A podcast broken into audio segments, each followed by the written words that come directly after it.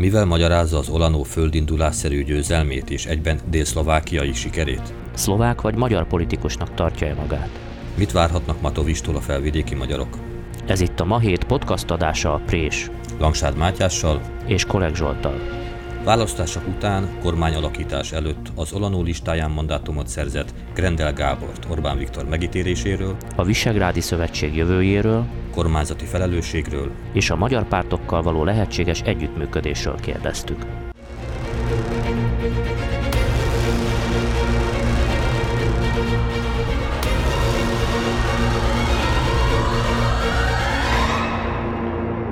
De mi mással kezdhetnénk a beszélgetést, ugye, mint a szombati választások eredményével, vagy illetve hát értékelésével.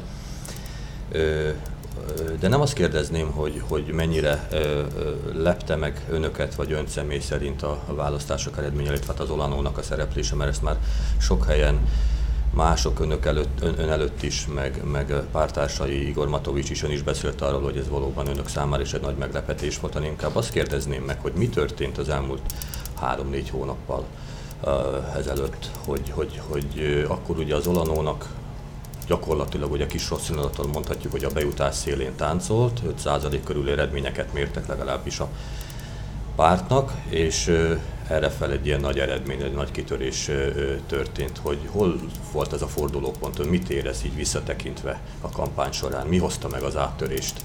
Azzal kezdeném, hogy én mindig óvaintettem attól a, az újságírókat is, meg a kollégáimat is, hogy a közvéleménykutatásokból valamilyen konkrét következtetéseket vonjunk le, hiszen négy évvel ezelőtt, amikor a Nova párt, amelynek én még mindig a tagja vagyok, együttműködve az Olanoval indult 2016-ban a parlamenti választáson, amikor először jutottam be a törvényhozásba, akkor is a közvéleménykutatások ö, még egy hónappal a választás előtt ö, 6-7 százalékot jósoltak az Olanonovának. Ez volt az oka annak, hogy nem koalícióként indultunk akkor, hanem, hanem egy párt listáján, és a végeredmény több mint 11 százalék volt. Tehát annak ellenére, hogy tavaly nyáron valóban ö, 5% körül jósoltak a közvéleményi kutatóintézetek az Olanónak, én már akkor bizakodó voltam a tekintetben, hogy, hogy a végeredmény biztos pozitívabb lesz. Azt, hogy ez ö, 25%-ot fog jelenteni, természetesen ezt legmerészebb álmainkban sem gondoltuk volna, és hogy mi lehet az oka, azt hiszem, hogy ennek nincs egy konkrét, konkrét oka, ami, ami miatt ez ennyire megugrott, hanem valószínűleg több, több szerencsés körülmény játszott közre. Az egyik, az egyik az lehet, hogy valóban ennek a választásnak a fő témája a korrupció ellenes harc, illetve a Smer ellenes harc volt, amelyben az Olano volt a legautentikusabb, mint tudjuk a, a liberális PS Polú koalíció az inkább a szélsőség elleni harcon, harcra helyezte a, helyezte a hangsúlyt, és hát ez igazából nem volt komoly témája a, a, a választásnak a, a, a, a, választók szemével, azért sem, mert mindenki tudta, hogy Kotlebáék soha nem, jelenten, nem jelenthetnek kormányerőt.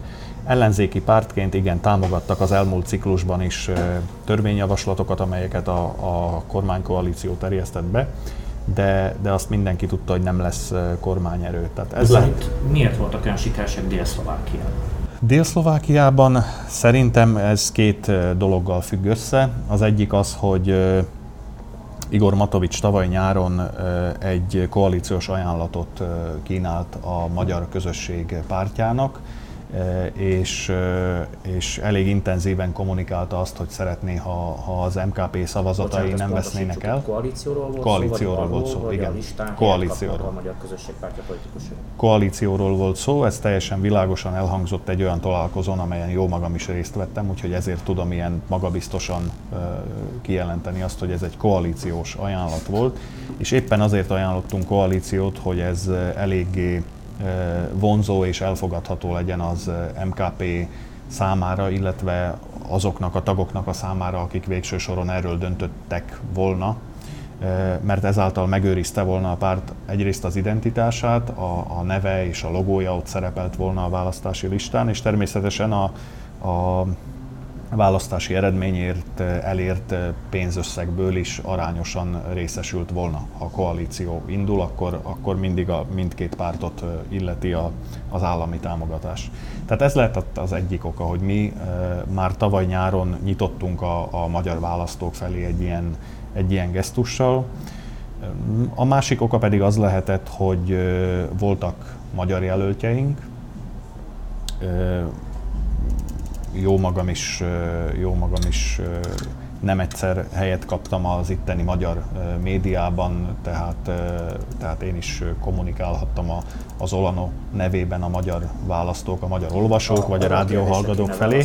És még egy utolsót hadd mondjak, és a harmadikok pedig szerintem az lehet, hogy, hogy ezeknek a délszlovákiai magyaroknak egy része is, is úgy gondolhatta, hogy most itt valóban a Robert Fico legyőzése és, és kiűzése az első számú tét és a téma, és ezért is támogattak inkább minket, mint sem az MK, illetve az MK5 vagy a hidat. Arra a kérdésre kéne válaszolni, ön személy szerint magyar politikusként vagy szlovák politikusként határozza meg magát? Mennyire könnyű a válasz? Szlovákiai magyarnak vallom magam, magyar nemzetiségűnek vallom magam, ezt egyébként kötelezően fel is kell tüntetni a szlovák parlament honlapján, hogy ki milyen nemzetiségűnek vallja magát. Én magyar nemzetiségűnek vallom magam.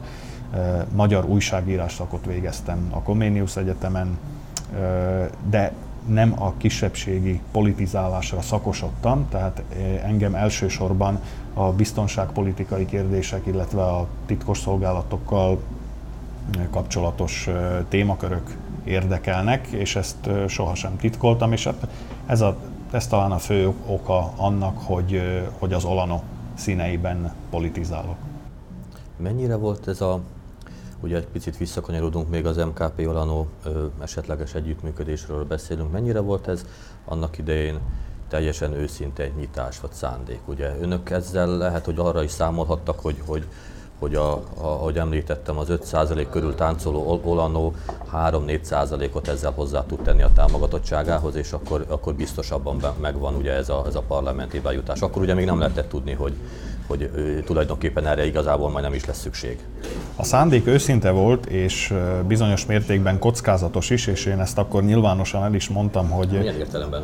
Kockázatos olyan értelemben, hogy nem biztos, hogy az MKP-nak mind a 3,5-4 százalékos szavazóbázisa egyetértett volna ezzel a koalícióval. Ahogy nem biztos, hogy az Olano 5-6 százalékos szavazóbázisa egyetértett volna egy ilyen, egy ilyen egyesüléssel, tehát ennek megvolt a kockázata, Viszont, viszont a szándék őszinte volt, és én biztos voltam abban, hogy, hogy Igor Matovics van annyira talpra esett és tehetséges politikus, hogy lett volna elég idő arra, hogy ezt a választóknak elmagyarázza és elfogadtassa velük. Hibának tartja, hogy az MKP ezt végül elutasította, ezt az ajánlatot? Most már könnyű okoskodni, akkor nem lehetett tudni, hogy, hogy az MKP végül is kivel áll össze, megegyeznek-e a híddal, vagy külön indul a, a két erősebbik tömörülés. Sok magyar nem, nem akarta elhinni, de, de én több beszélgetésben is elmondtam, hogy ha közös listán indulna a híd és az MKP, akkor, akkor elfogadom és megértem azt, hogy miért döntöttek így, mert ez egy elfogadhatóbb megoldás lett volna a szlovákiai magyar választók számára is. Viszont ugyanakkor azt is elmondtam többször is, hogy amíg ez a két párt külön indul, addig bármennyire sajnálom is, és én őszintén sajnálom, hogy egy magyar párt sem jutott be a parlamentbe, addig nem látok esélyt arra, hogy, hogy az 5%-os küszöböt bármelyikük is megugorja. Az imént említette, hogy Matovics mennyire tehetséges politikus. Mivel magyarázza azt, hogy korábban a magyar ügyek irányában nem volt ennyire elfogadó, megértő? Történt egy változás, ennek az okait kérdezném. Ön ezt hogyan látta, mi is ott volt mellette, vagy a közelében? Nem akarom, hogy nagyképűsködésnek hangzon, de azelőtt nem volt a közelében olyan szlovákiai magyar politikus, ha nevezhetném így nem hivatalos tanácsadó, aki, aki elmagyarázta volna neki a tehát aki magyar szemmel láttatta volna vele ezeket a, ezeket a kérdéseket, amelyek számunkra fontosak, és amelyek iránt egy, egy nagyszombati vállalkozó nem biztos, hogy, nem biztos, hogy olyan érzékeny. És ez ki volt ez a személy? Hát én.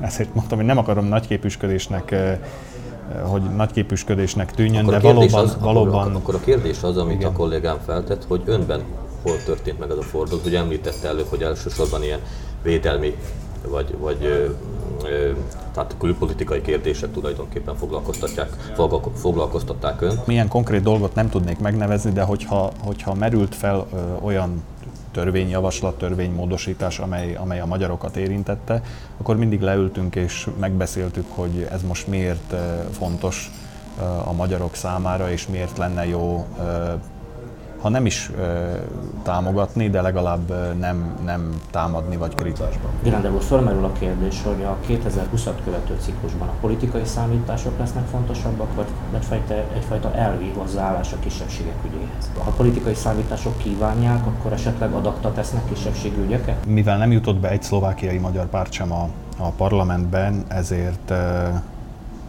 személyesen is elmondtam, és már Igor Matovicsal is beszéltem erről, hogy a konkrét formáját még nem tudjuk, hogy, hogy milyen módon, de megtaláljuk a módját annak, hogy felvállaljuk a kisebbségi érdekképviseletet mind a parlamentben, és elképzelhető, hogy, hogy a kormányban is.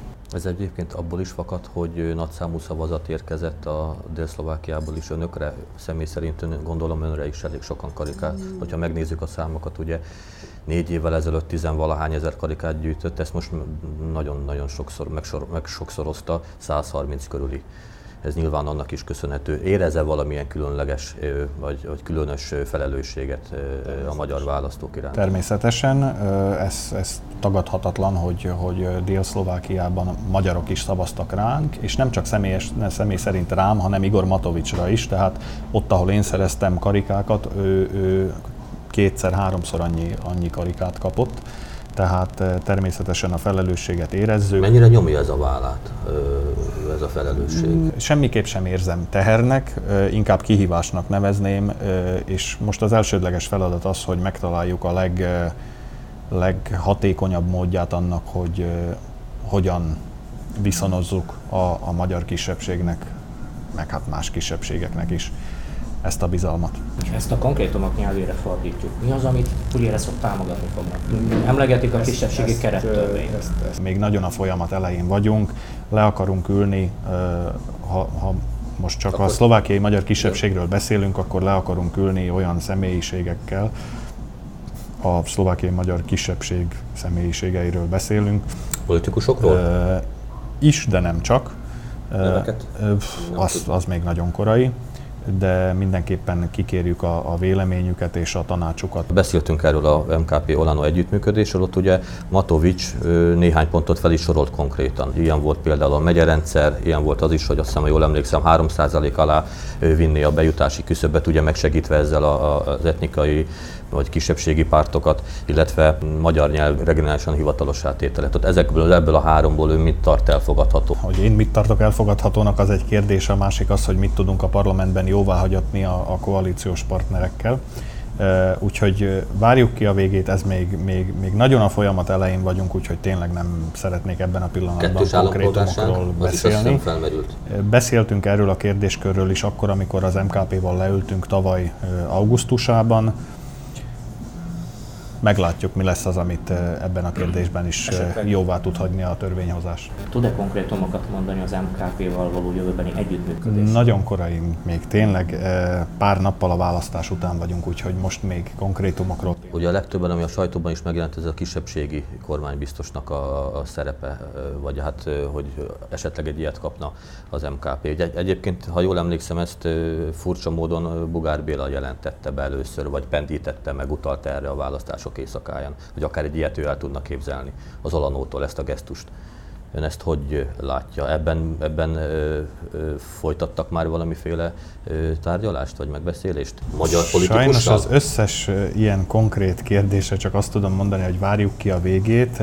Magyar politikusokkal egyébként kommunikálok, tartjuk a kapcsolatot, Egyelőre még csak telefonon, de már, Jó, akkor, már ha konkrét találkozókról fogjuk keresni, vagy a konkrétumok lesznek. Persze. Beszéljünk akkor egy picit a, a szem, ön személyes ambícióiról. Ugye felmerült például egy ilyen belügyminisztériumi posztnak a vezetése, vagy hát a belügyminisztériumnak a magának a vezetése. El tudja ön magát képzelni egy ö, kormányban? Vagy inkább a testhez álló feladat egy parlamenti munka? Mind a kettőt el tudom képzelni. Négy év parlamenti munka áll mögöttem, és, és a választási eredményt egyfajta bizonyítványnak tartom a választók részéről. Az én politikai karrierem kezdettől fogva nem arról szólt, hogy, hogy én most itt gőzerővel nyomulnék előre, és mindenképpen valamilyen konkrét eh, pozícióról álmodnék. Sose ez volt az elsődleges célom. Az én elsődleges célom, amiért eh, egyáltalán politizálni kezdtem, az az volt, hogy eh, segítsem és támogassam azokat a politikusokat, akik úgy érzem, hogy jobbak, tehetségesebbek nálam, tiszták a szándékaik és, és jó dolgokért harcolnak. Mit látna szerencsésebbnek? Három párti koalíciót, vagy ezt a szélesebb négy párti Szerintem a, szerintem a négy párti az alkotmányos többséggel mindenképpen az, amely, amelyel könnyebb lenne az országot előre mozdítani, és amelyel, amelyel valóban kézzelfogható eredményeket, illetve változásokat fogunk tudni felmutatni. Elég sokszínű koalíció áll fel, hiszen a Szmerodinától az Eludi terjed, amely az európai politikában egy nagyon távoli pártcsaládot jelent. Nem tartottól, hogy ez egy instabil kormányhoz vezet? Az elmúlt négy évben volt egy, volt egy eredetileg Robert Fico, Fico vezette Smer, Híd, Háló, Szlovák Nemzeti Párt eh, négyes fogat, amely, amely 2016-ban azt hangoztatta, hogy ha bármi más jönne létre, akkor az destabilizálná az országot, és ez lesz itt az, az egyetlen eh, stabil koalíció, és látjuk, hogy mi történt. Tehát a háló az teljesen eh, szétszakadt rögtön a ciklus elején. Andrei Danko fölmondta a koalíciós szerződést, ha jól emlékszem, egy év után, a, a híd elveszítette több képviselőjét, tehát számomra nem, nem, nem ez az elsődleges kérdés, hogy mennyire lesz stabil vagy dinamikus a kormány, hanem az, hogy, hogy minél előbb, minél hatékonyabb változásokat tudjunk végrehajtani. Hadd kérjem meg arra nagyon röviden, hogy hogy a lehetséges koalíciós partnereiről egy rövid jellemzést. Andrei Kiszkáról például mit gondol? Ebbe, ebbe, ha nem haragszanak, valóban nem megyek bele, mert, mert, mert nem az tud, én... Azért, nem, mert nem, nem, nem, nem, mondani, nem, vagy nem azért, meg nem akar? Nem azért, hanem én se, én se szeretném, és nem tartanám korrektnek azt, hogyha a leendő koalíciós partnereim értékelnék mit gondol, a, gondol a, például a videójúról, ami ugye a választási kampány végén hajrájában jelent meg, ezt ön egy ilyen antikampánynak tartja, ami ellene indult vagy, vagy van ebben valami kifogásolhatni való, hogy kétes hírű üzletemberekkel tárgyalt, vagy beszélt? Az, az, az kétségtelen, hogy, hogy ez, az, ez egy antikampány része volt, tehát az, az, az időzítése és, és egyáltalán az, hogy hogyan lett ez kéz, kézbesítve a, a, a, az újságírókhoz, ez mindenképpen antikampány jeleit mutatja. Másrészt viszont valóban kérdéseket vet fel az, hogy, hogy miért éppen egy ilyen személlyel letárgyalni. Önt, önt egyébként meglepte Kiszka és pártjának eredménye? Nyilván a közvélemény nagyobb támogatottságot remélt, vagy várt tőlük. Több meglepetése volt az idei választásnak, az egyik az Olano fergeteges győzelme, a másik pedig a, a PS Polo kiesése, illetve az Andrei Kiszka vezette párt nem egész 6%-os eredménye amely egyébként azt, a, azt az elméletet igazolja, amelyet a beszélgetésünk elején is mondtam, hogy a közvéleménykutatásokból nem lehet messze menő következtetéseket levonni, és nem azért, mert azt gondolnám róluk, hogy, hogy esetleg csalás vagy manipuláció útján lennének korrigálva a, a, az előrejelzések, hanem, hanem egyszerűen egy adott időben egy adott hangulatot mérnek, és a választási valóság egész mást mutathat egyébként ön, egyébként ön ott van most a, hogy is mondjam, az Olano legszűkebb vezetésébe, azokra gondolok, akik esetleg a lehetséges ugye koalíciós partnerekkel fognak majd, vagy éppen már tárgyalnak. Az Olano listáján négy párt jelöltjei indultak, jó magam a Nova színeiben. És, és önök heten voltak, ha jól tudom, igen, ugye? heten voltunk, mint a gonoszok, és ott volt még a Keresztény Unió, utána a Ján Budai pártja és, és maga az Olano. Most a tárgyalásokat eddig az Olano vezette, és ez szerintem így Mert rendben Csak azért kérdezem, nem udvarolni akarok önnek, de elvileg ott lenne a helye, mint a, ennek a pártszövetségnek, vagy választási listának a második legnépszerűbb szereplőjeként szerintem, vagy, vagy nem zárom ki, hogy, hogy ennek a folyamatnak Mindegy, a kérdésem tulajdonképpen arra vonatkozik, Igen. ha esetleg oda Ed, kerül. Mert eddig, eddig négy szemközti találkozók voltak nagy részt, és egyetlen olyan, olyan egyeztetés volt a Kiszkaféle párt és az Olano között, amelyen delegációk vettek részt. Szóval, hogy esetleg oda kerül, és hogy akkor tényleg csak egy fél mondat elég beszéljünk Boris Kolláról is, mert azért ő is megéri a pénzét esetleg el tudja képzelni ön azt, hogy felveti vagy személyre hányja az ő múltját. Ugye vannak féle, mindenféle maffoja kapcsolatok, Kocsnerrel is találkozott, ugye ezt ő el is ismerte, Alina Zsuzsovával is folytatott kommunikációt, bizonyos, nem tudom, telefonos üzenetek, stb., hogy el tudják képzelni egy host, hogy, hogy erre ön felhívja a figyelmet, hogy, hogy adjon valamiféle magyarázatot, hogy lehetséges ez. Nem fogom nyilvánosan, nyilvánosan kommentálni ezeket a dolgokat úgyhogy itt de sem, itt sem de teszek kivétel. Smer politikusai felé ezt önök elvárták, akkor miért nem várják el a, a másik oldal felé? Nem mondom, hogy, hogy mit várunk el és mit nem várunk el, hanem, hanem amit az elején mondtam más koalíciós partnereinkkel szemben, nem tartanám korrektnek azt, hogyha ők nyilvánosan kommentálnák a mi jelöltjeinket, és ugyanúgy én nem fogom nyilvánosan kommentálni őket. Viszont engedje meg, hogy picit áttereljük a beszélgetést akár a külpolitika vonalára, hiszen nagyon sok magyar foglalkoztat, mi lesz a Visegrádi együttműködés sorsa. És hát mégsem mindegy, hogy a kormányon belül akár kikapja a külpolitikai, tehát külügyi tárcát, Világos. illetőleg mi lesz az a fő irányvonal a kormánynak, amely mondjuk ehhez a közép-európai szorosabb együttműködéshez viszonyul kérdés arra adódik, nyilván önnek is van egy elképzelése, mit lát reálisnak. Változni fog a kormány politikája, külpolitikája vagy külpolitikai felfogása, gyengülni fog a visegrádi partnerség, Szlovákia gyengébb láncszám lesz, vagy pedig megmarad a jelenlegi állapot? Mm, ez a kérdés még korai, attól is függ, hogy a, egyrészt attól is függ, hogy melyik párt fogja jelölni a leendő külügyminisztert. Az Orlandó szeretne külügyminiszteri és, és ki lesz az a konkrét személy. Na most megint ott tartanánk, hogy, hogy a sajton keresztül üzengetünk egymásnak, hogy mit szeretnénk és mit nem. Ami nem segítené, hanem inkább ártana a koalíciós tárgyalásoknak, úgyhogy személyes véleményem az, hogy, hogy a külpolitikát a legelősebb kormánypártnak kellene diktálnia. Vannak olyan szakképzett jelöltjeink, akik jól tudnák vállalni ezt a pozíciót. Előnyére válik Szlovákiának a visegrádi partnerség? Személyes véleményem szerint igen szlovák sajtót élénken foglalkoztatta az a kérdés, ugye a választások óta is többször feltették ezt Igor Matovicsnak ezt a kérdést, néztem, igen, 5 percünk még van, igyekszem betartani, hogy milyen, hogyan ítélik meg Orbán Viktor személyét, szerepét, politikai teljesítményét. Ön ezzel hogy van? Igor Matovics ismert arról, hogy ő eddig elsősorban a belpolitikára szakosodott, és erre, erre helyezte a hangsúlyt. Mm, úgyhogy tényleg várjuk meg, amíg megalakul a kormánya, és amíg, amíg kristálytisztává válik a, a külpolitikai irányultsága és nézete a, is.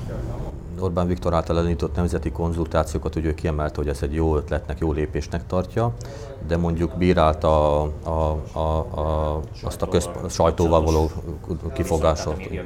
Tehát ön ezzel mondjuk ezzel a két dologgal egyetért, tehát a Matovics értékelésével? Kicsit más helyzetben vagyunk, mint az elmúlt négy évben, amikor ellenzéki politikusként tényleg bármikor bármit, bármilyen módon kommentáltunk, és ennek nem volt semmilyen következménye reális következménye a, két ország kapcsolata, vagy nem csak a két ország, hanem más országokkal való kapcsolatunk között. Most az Olano kormányt alakítani készül, Igor Matovics kormányfő lesz, lesz az országnak egy, egy, egy erős, érezhető külpolitikai irányultsága, úgyhogy én azt mondom, hogy, hogy tényleg várjuk ki a végét, felejtsük el azt, ami, ami, ami, ami eddig volt, és, és várjuk meg a, a konkrét egyrészt kormányprogramot, és aztán az egyes tárcáknak a, a politikáját. Éppen tegnap este néztem meg, a választások után volt egy beszélgetés Igor Matovicsal, és őt a Gyennyiken rendezte ezt a beszélgetést, ott nyilván ugye rákérdeztek arra, hogy, hogy kik azok a liberális személyiségek a Olano listáján, akik, akik, akik egyébként mondjuk mit tudom ennek a, az ő szempontukból így fogalmaztak, hogy egy ennek az ultrakonzervatív listának, vagy egy kicsit, mint amilyen fékezői lennének. És a, nevek között az ön neve is elhangzott.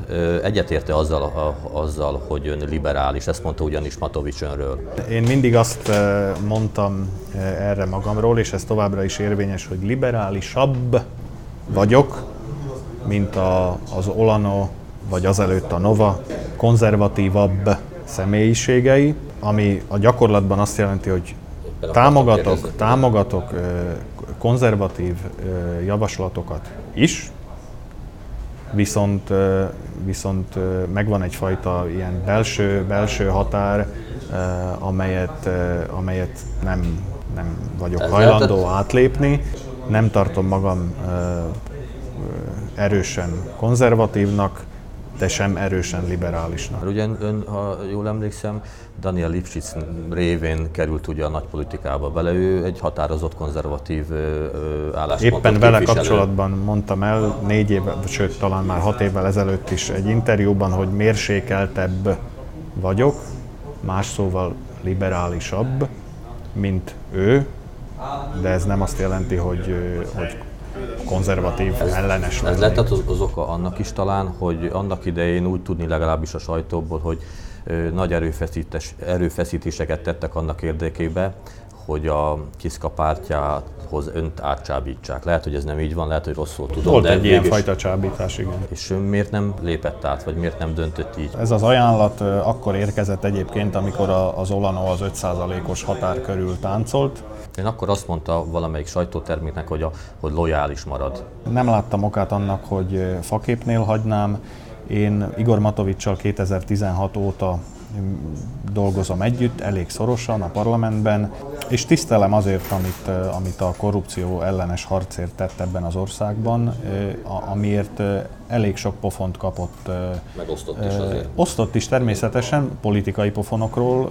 Ha politikai pofonokról beszélünk, ez rendben van, adok-kapok, ez így, ez így fair. Hát a tíz éves tevékenység a saját mostani partnereivel is korábban viszont, összeveszett Viszont én most, én most arról beszélek, hogy, hogy az, állam, az államhatalom az én megítélésem szerint visszaélt az erejével Igor Matovicsal szemben és ennek ellenére nem adta fel ezt a harcot, hanem, hanem tovább folytatta. És én ezt nagyra értékelem, és, és mivel négy év alatt elég közelről megismertem, ezért úgy éreztem, hogy, hogy lojális maradok, és ha, ha nem lépjük át az 5%-os határt, akkor inkább tiszta lelkiismerettel azt mondom, hogy megtettük, amit, amit tehettünk, és agyő. Mint sem itt négy évenként egyik pártból a másikba ugráljak. És tényleg egy nagyon rövid kérdés a végére, ugyan az Olan, ö, akarom mondani, a Nova politikusa, annak a Novának, amely éléről két évvel ezelőtt, ha jól emlékszem, távozott, vagy lemondott. 2016-ban történt az az autóbaleset, formálisan talán 17-ben történt a váltás, de tulajdonképpen az, az, az autóbaleset után már... Csak a kérdésem arra vonatkozik, hogy működő párt ez a Nova, mert hogy létezik ugye, de facto, de tulajdonképpen nincsen elnöke, ha jól tudom. Elnöke nincs, mert a kollégáim, akik, akik annak idején... Miért az, mondott le akkor? Azért, mert az Európa parlamenti választások előtt volt egy ilyen dilemma az elnökségben, hogy kivel induljunk közösen az Európa parlamenti választásokon, és az elnökség nagy része arra, arra voksolt, illetve amellett voksolt, hogy a PS Poluval egy harmadik koalíciós partnerként, én az Olanot részesítettem előnyben, a többség máshogy szavazott. Ezt még hajlandó voltam. A Ollanot részesítette előnyben. Ezt még hajlandó voltam elfogadni, de utána a, a PS Spolu koalíció olyan feltételeket ajánlott, amelyekkel nem csak én, hanem azok a kollégáim sem értettek egyet, akik egyébként emellett az együttműködés mellett szavaztak az Európa parlamenti választásokkal kapcsolatban. És akkor jött egy újabb elnökségi ülés, amelyen azt mondtam, hogy akkor most már viszont tényleg menjünk az Olanoval és az elnökségi többség pedig amellett szavazott, hogy inkább a Nova ne induljon el az Európa parlamenti választáson, mint sem az Olanoval együttműködve. És akkor erre én azt mondtam, hogy de ehhez én már nem tudom a nevemet adni, és lemondtam. De akkor ez most már egy ilyen ö, halálig tartó kapcsolat, házasság az Olanoval? Vagy esetleg a Nova még önálló pártként is el tudja képzelni, hogy önálló pártként működjön? Önálló pártként tevékenykedünk évről évre, évről évre a, a, mondjuk az önkormányzati vagy a, vagy a kerületi választásokkor vannak városi, megyei, helyi szintű községi képviselőink, úgyhogy, úgyhogy még mindig él az a bázis, amely, amely 6 év vagy 8 évvel ezelőtt megalapította a Novát.